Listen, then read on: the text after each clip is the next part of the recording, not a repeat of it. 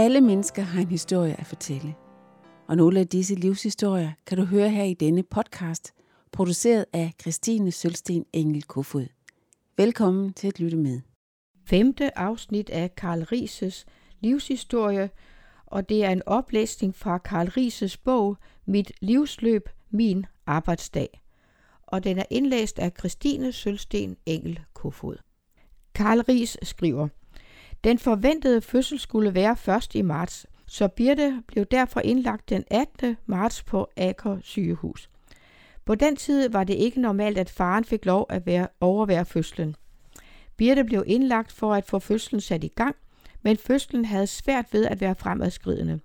Den første nat var forfærdelig, næsten overladt til sig selv. Ventetiden var også uudholdelig for mig på skolen. Men dagen efter den 19. marts 1964 blev Elisa født. Jeg fik besøgt mor og barn på sygehuset, og hvor var det et lykkeligt øjeblik. Jeg medtager her lidt fra min dagbog. Det viser tydeligt, at det var mig, der fik den store opmærksomhed den dag. Dagbogen den 19. marts 1964. Bare for nogle få timer siden fik jeg vores første fødte at se. En dejlig stor pige, givet os, betroet os af Gud.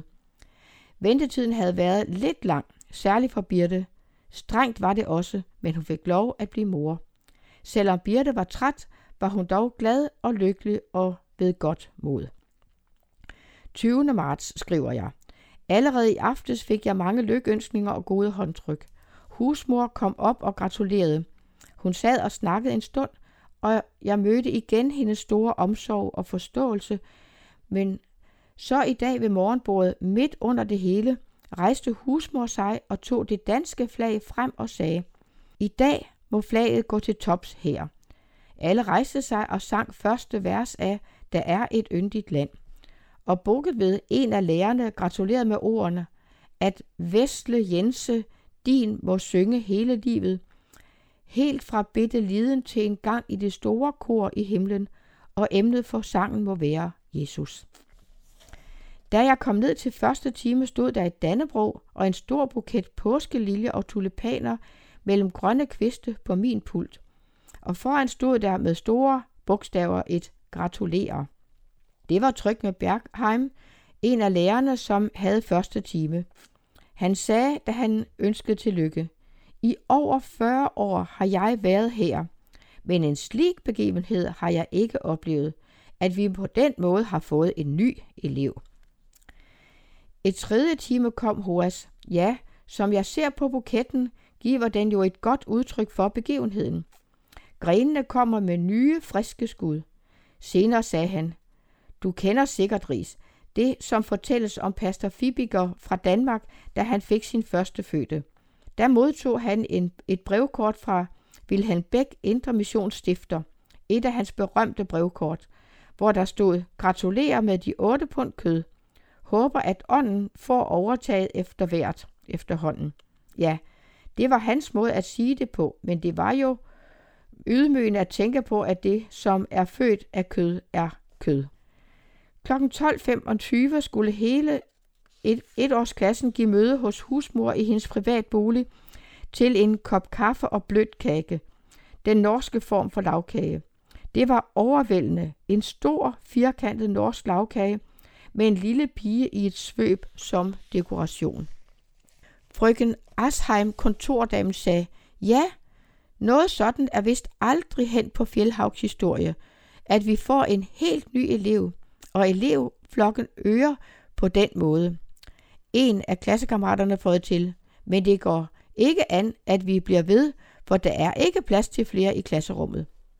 Husmor sagde også, at hun ønskede, at den lille måtte få en velsignelse med sig herfra, og hvad enten livsdagen bliver kort eller lang, så var det ikke det afgørende, men at målet blev nået. Elisa blev fra Akker sygehus indskrevet som norsk statsborger, men det fik vi nu hurtigt lavet om. De har vel regnet med, at Birte var gift med en nordmand. Jeg havde lavet en kasse af spornplader, som vi brugte som seng. Ideen med den var, at den skulle bruges til vores bagage, når vi skulle rejse hjem. Vi havde jo samlet en hel del sammen i de måneder, vi var her. Udover Elisa og det, som hørte hende til, var der også blevet til adskillige bøger og ringhæfter med undervisningsmateriale og mange notater. Vi synes ikke, det var rigtigt at rejse hjem, uden Elisa blev døbt. Valget blev den 19. april 1964 i Hasle Kirke i Oslo, ikke langt fra Fjellhaug. Birtes mor Elisabeth og min søster Jenny tog turen til Oslo og var med. De havde en barnevogn med fra Danmark. De var begge fadere sammen med Jørdis og Jørgen Bernhardt.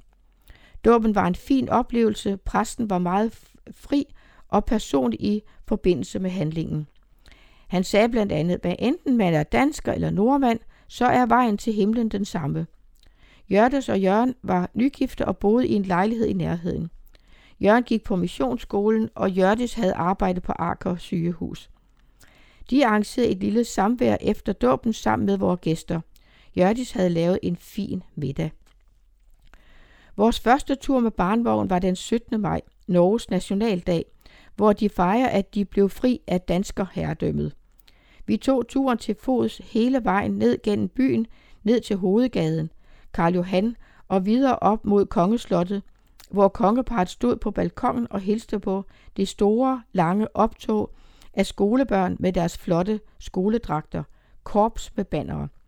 Der var også orkestre i fine uniformer. Det tog lang tid, før de alle var passeret forbi. Byen var pyntet til fest, og folk var festklædte. Mange kom i deres bunager, det vil sige deres nationaldragter. De er forskellige efter hvilken egen i landet de kommer fra. Efter endt skoleophold i slutningen af maj måned rejste vi hjem til Danmark fra Oslo, igen med båden Holger Danske, og Birtes far Mathias hentede os i Aarhus. Årene i Emmerlev Inden vi rejste til Norge, havde vi købt et stykke jord af gårdmand Hans Lavsten, beliggende ved mindestenen for Geske Marie Autsen. Grunden var på 1474 kvadratmeter. Det var landbrugsjord, som skulle overgå til byggegrund, så derfor måtte vi betale en afgiftspligtig grundstigning på 2400 kroner plus 2,5 krone per kvadratmeter.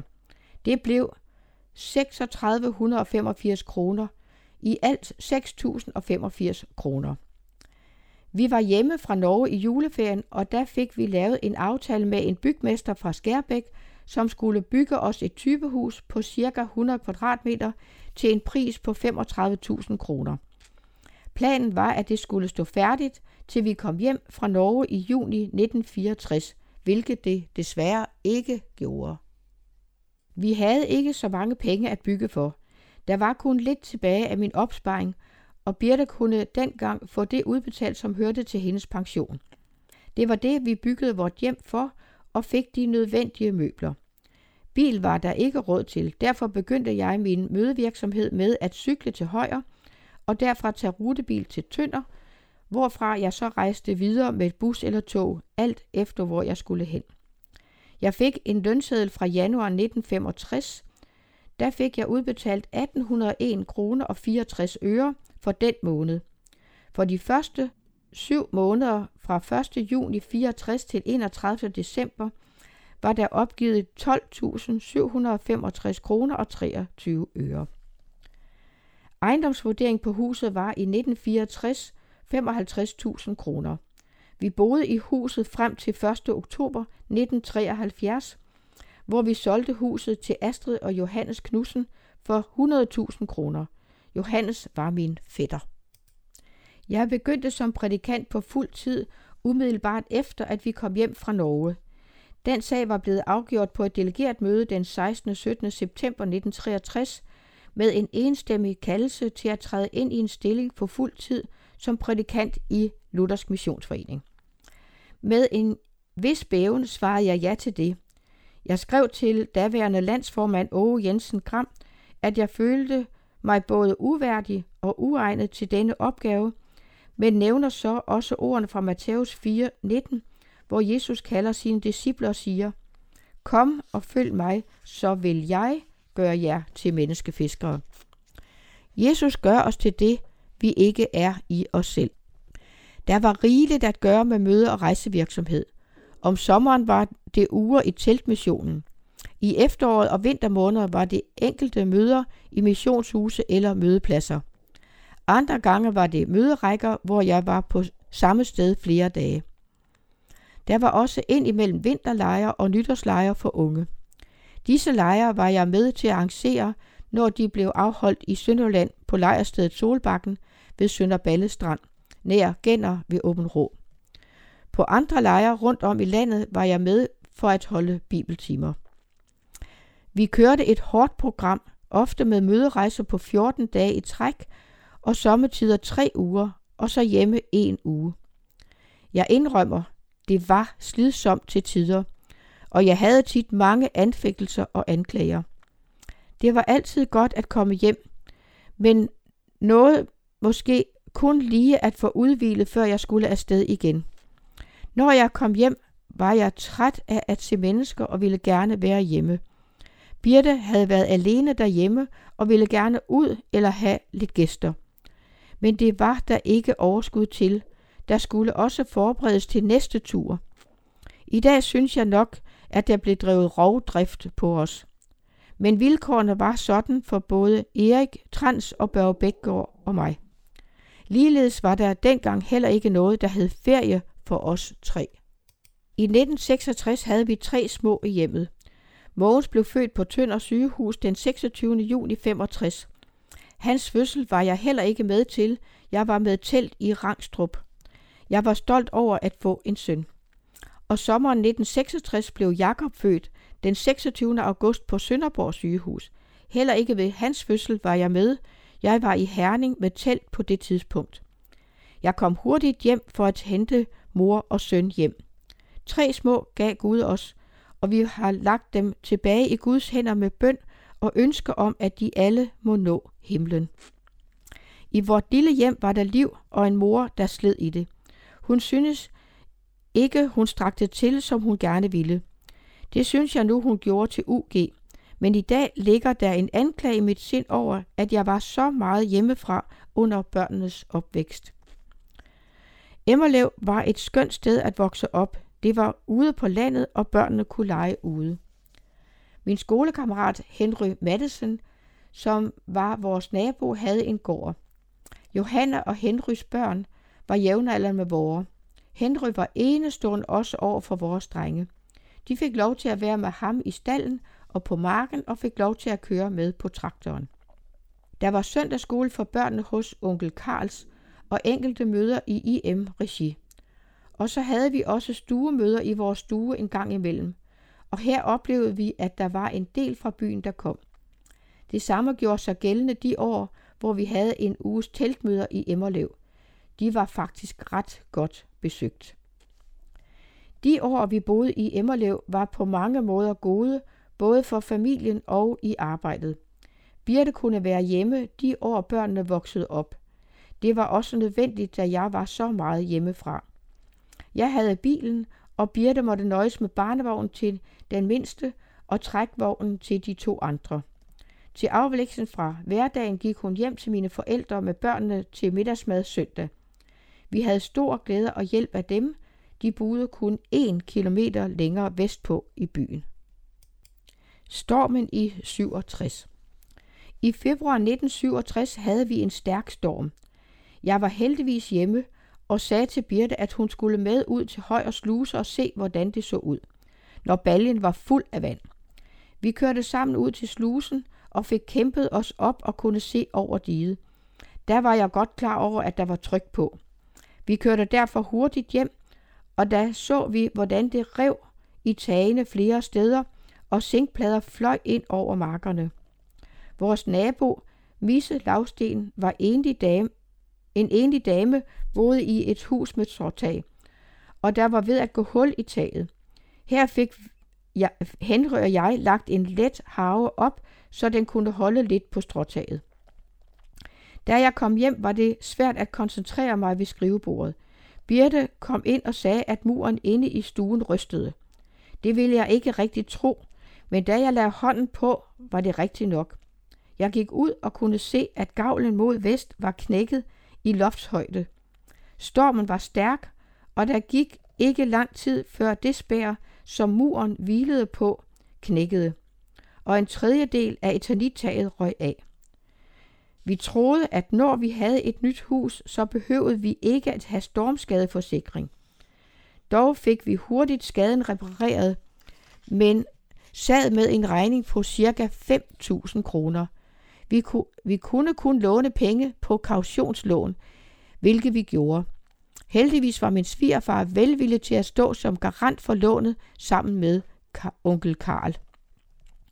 For at få det lån afviklet tog Birte arbejde på Tønder sygehus i en periode. Det krævede så, at vi en tid havde Alma Hansen fra Tinglev som ung pige i huset. Birte fik så senere en aftale med sygehuset i Tønder om, at hun kunne træde til og tage vagter som afløser, når jeg var hjemme, og hun kunne bruge bilen. Vi fik også bygget en pæn stor garage med et stort redskabsrum. Det var bygget i Leka-blokke og med fladt etanittag. Hans Eriksen, der havde et godt håndelag, hjalp mig med byggeriet. LM i 60'erne og 70'erne. Med fastansættelse af tre fuldtidsprædikanter, nemlig Erik Trans, Børge Bækgaard Petersen og jeg, begyndte en ny epoke i LM. Tidligere var der kun et par nødvendige sekretærer, der arbejdede på fuld tid. Resten var frivillige, frivillige lægprædikanter. De havde deres erhverv og arbejde ved siden af. Tidligere var der en del gårdmænd blandt dem.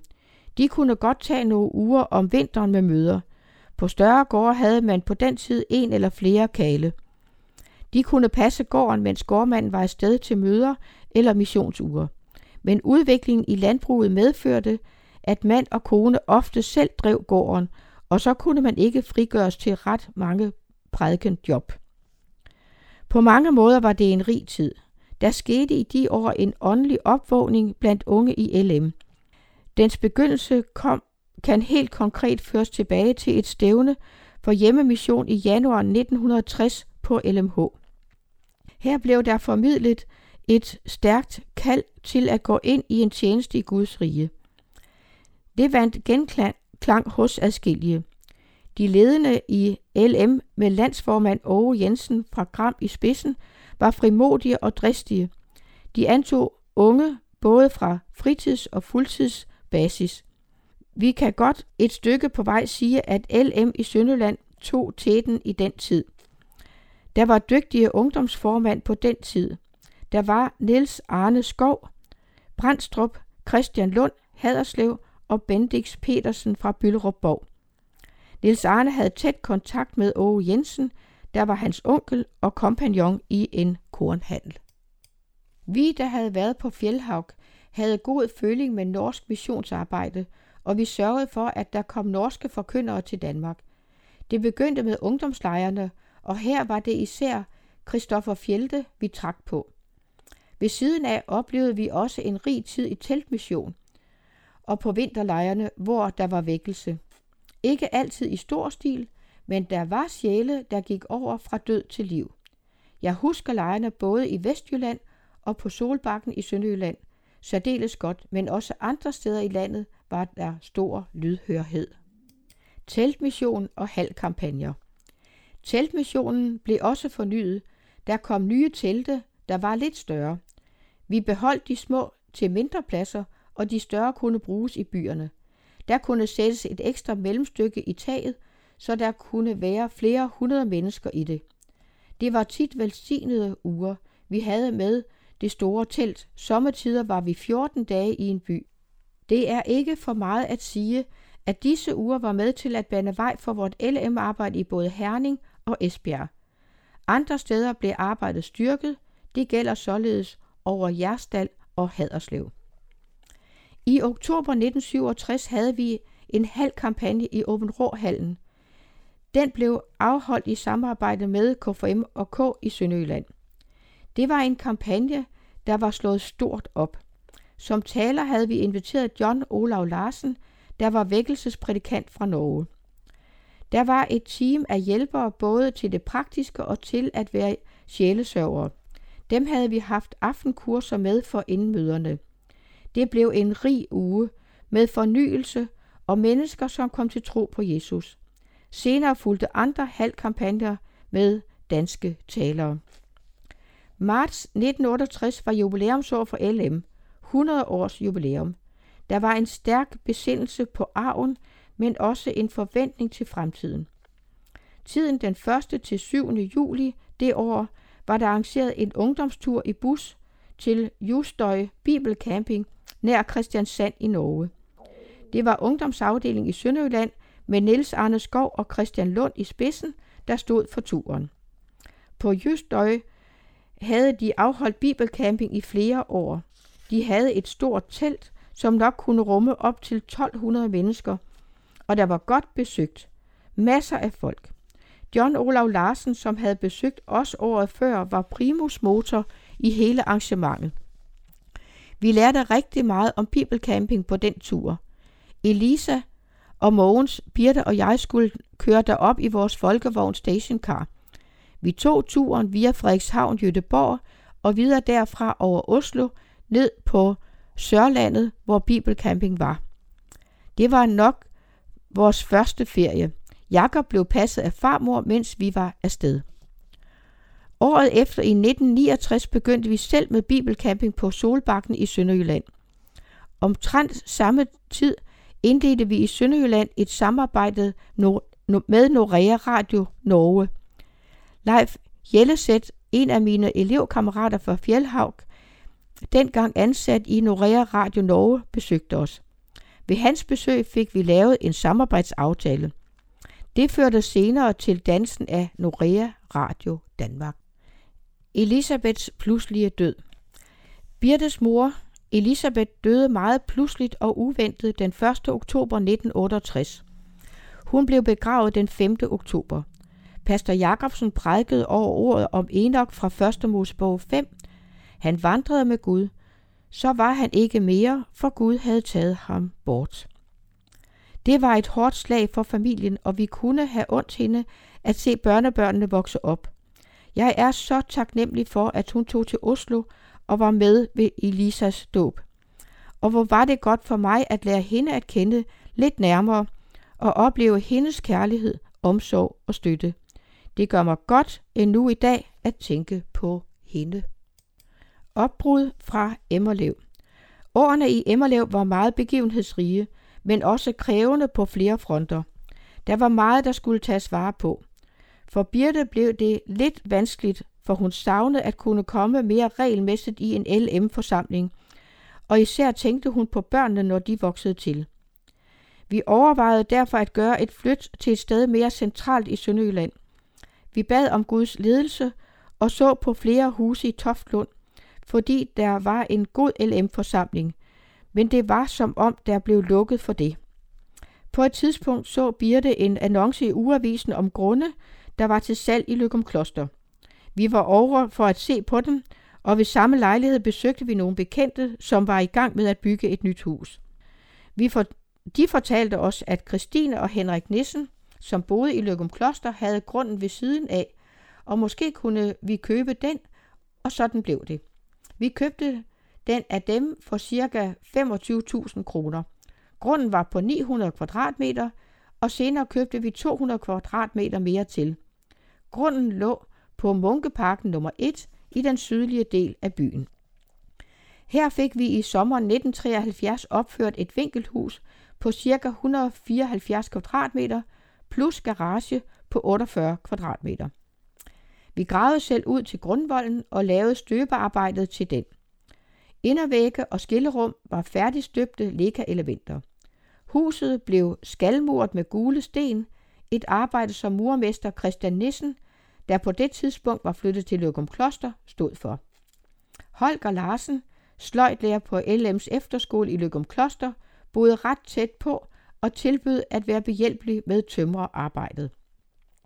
Det var et solidt hus, som var både velindrettet og rummeligt. Der var en stor vinkelstue, et kontor og soveværelse plus tre værelser, et til hvert af børnene. Et dejligt stort køkken, syrum og bagindgang, og et stort badeværelse og et gæstetoilet. I Løgum Kloster var der søndagsmøder i LM på efterskolen, og vores børn kunne her komme til juniormøder. Vi flyttede ind sidst i september 1973. For Birte fik det stor betydning, at hun kunne komme til møde, også når jeg ikke var hjemme.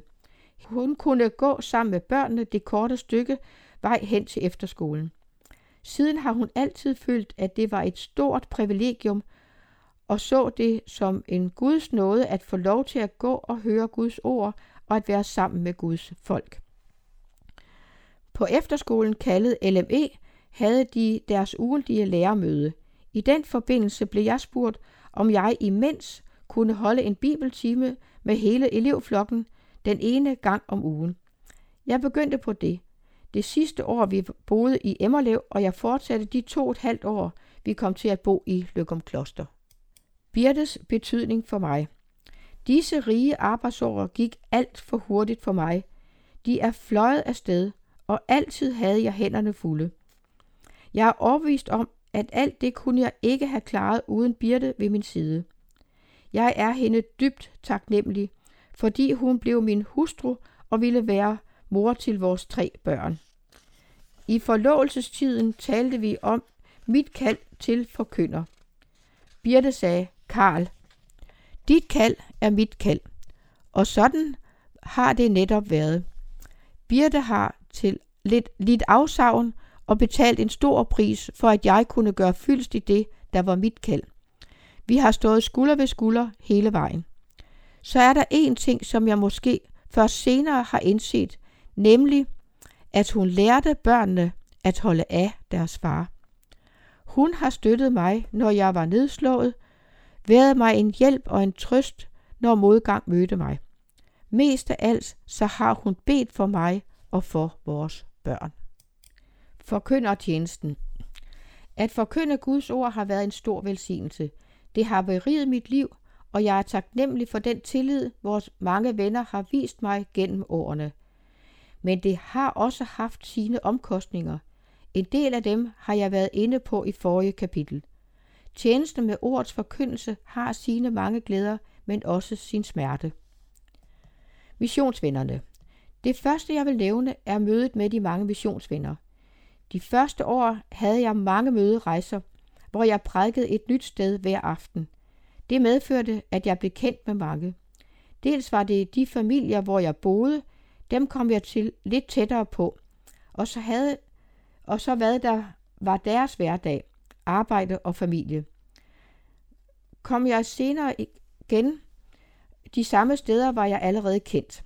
Længere hen i forløbet, hvor jeg begyndte at have møderækker eller ungdomsuger med en uge eller fem dages møder, så var vi som regel to prædikanter. Vi mødte stor gæstfrihed, men jeg tror også hjemmet fik en velsignelse ved gæstfriheden og ved, at de mødte os og det, vi bragte med.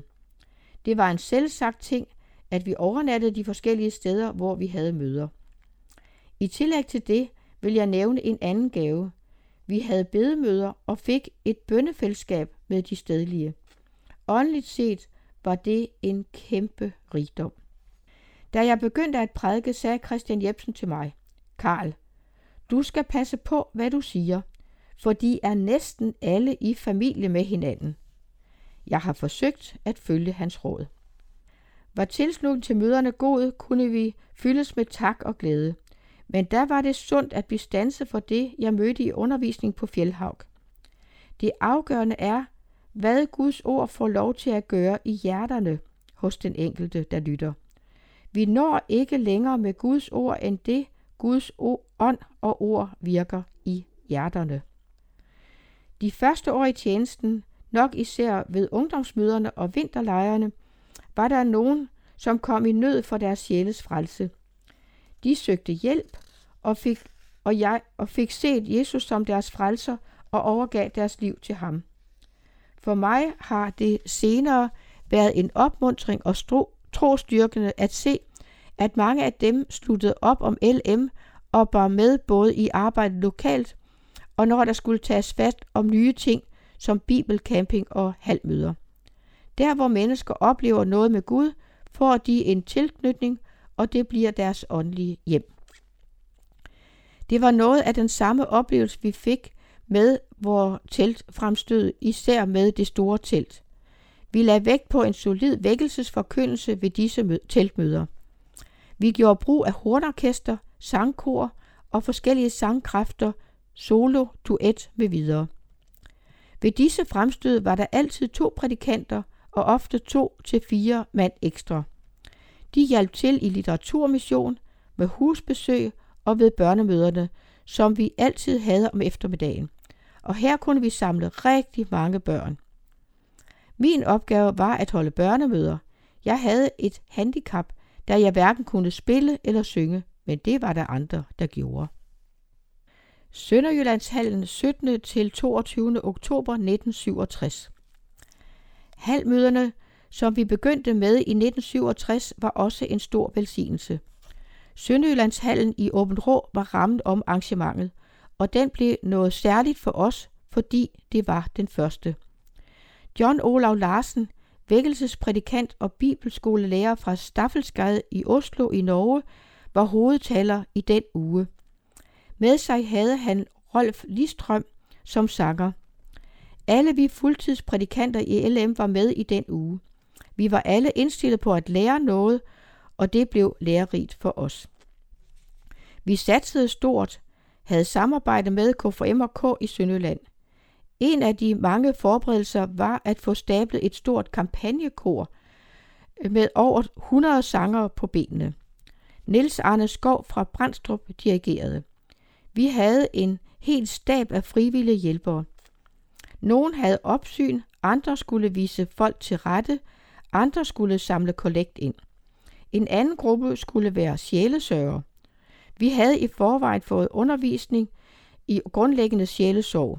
Undervisningen foregik i september måned på tre aftener fordelt over måneden. Denne undervisning havde jeg stået for. De skulle træde til, hvis der var nogen, der søgte hjælp.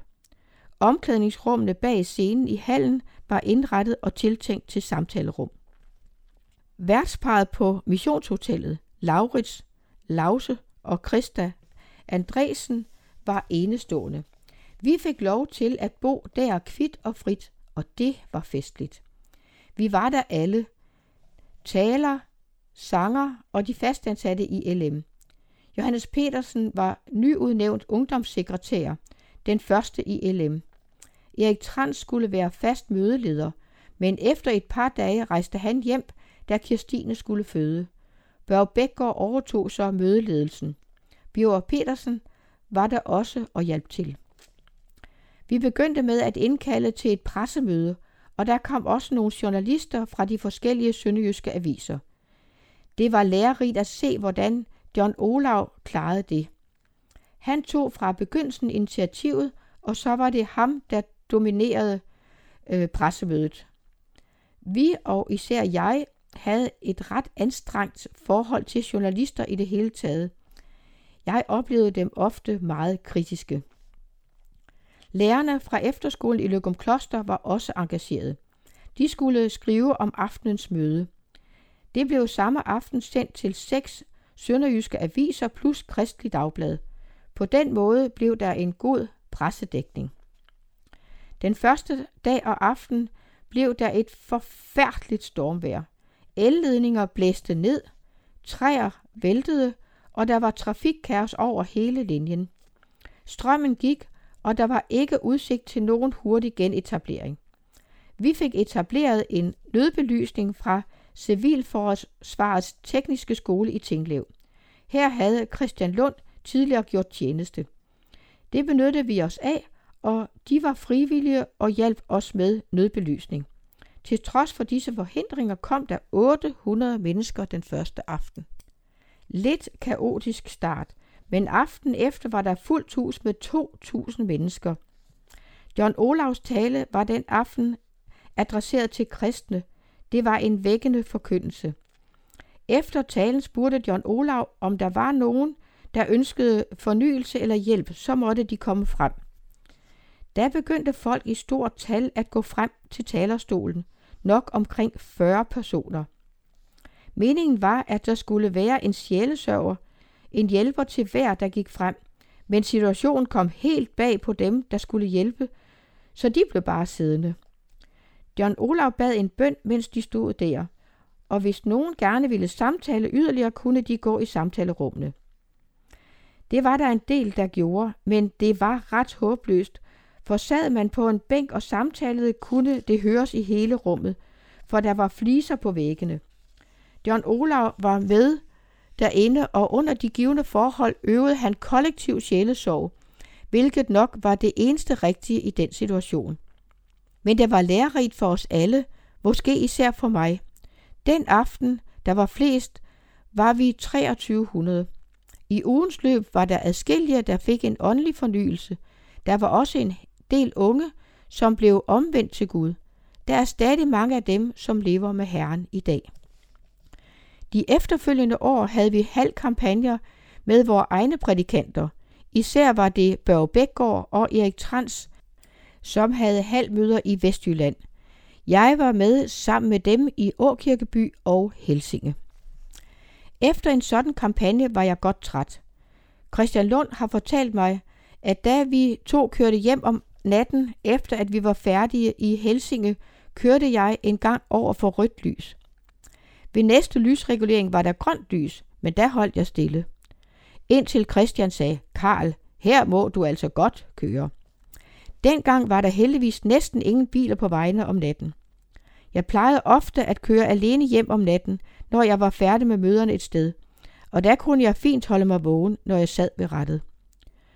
Når jeg så kom hjem og var træt af at se mennesker, ville jeg gerne have fred og ro. Birte havde andre behov, men som regel fandt vi et godt kompromis. Helbredsmæssigt har jeg været velsignet med et godt helbred, og jeg har normalt ikke haft svært ved at falde i søvn, selvom der hele tiden var nye senge at sove i. Forkyndelse af Guds ord en åndelig kamp. Min forkyndertid har været fuld af kampe. Især de første år var meget svære, men det har nu aldrig været let.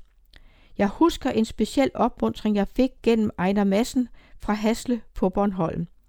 Han var en god rosiniansk forkynder, og i en periode var han også formand for efterskolen i Lykum Kloster.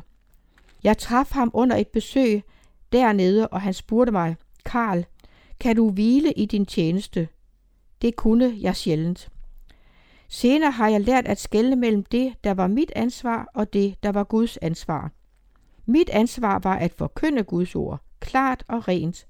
Men hvad ordet så udrettede hos den enkelte, det var Guds ansvar. For han våger over sit ord for at fuldbyrde det. Det har medført, at der var noget, jeg kunne lægge på chefens bord, altså på Guds bord, og lade det blive der. Til tider var der andre kampe.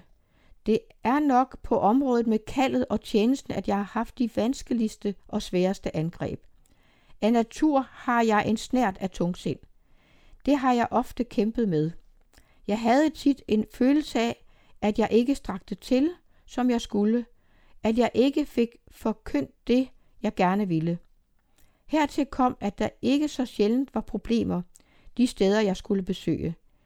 Det kunne godt hindre at gøre forkyndelsen vanskelig, og det sled på frimodigheden. Sjæle, fjenden, satan, er også en faktor, jeg regner med. Selvom mange af mine indre kampe kan have en ydre, læmelig faktor, som for eksempel træthed, så har disse fristelser og prøvelser også en åndelig dimension. Hvis en kristen ønsker at indvise sit liv til Gud, gå på hans veje og tjene ham, så ser djævlen, at netop her er der meget for ham at ødelægge, og derfor sætter han sine angreb ind her. Det har jeg oplevet. Han er en mester i at gøre os mismodige, og han er en dygtig taktiker, og han sætter altid ind der, hvor der er noget at ødelægge.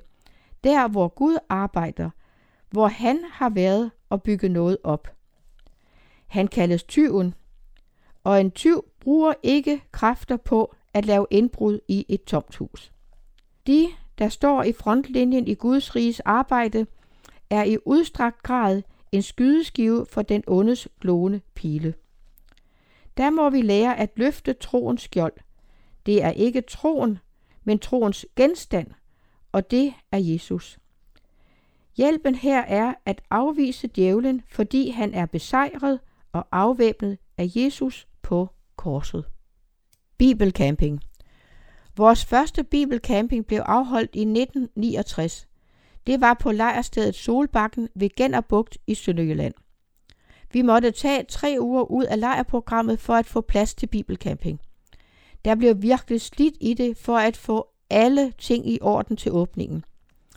På lejrens egen boldbane blev det store mødetelt rejst. Der var også et mindre telt fra teltmissionen til børnemøder og andet. Der var så i tillæg lejet en mark, som blev indrettet til campingplads med standpladser, elforsyning og meget mere. De fleste boede i telte dengang. Enkelte havde den luksus at have et villatelt med sovekabiner. Campingvogne var der næsten ingen af de første år. Vi skulle også have bygget et toiletbygning med vaskerum og bad.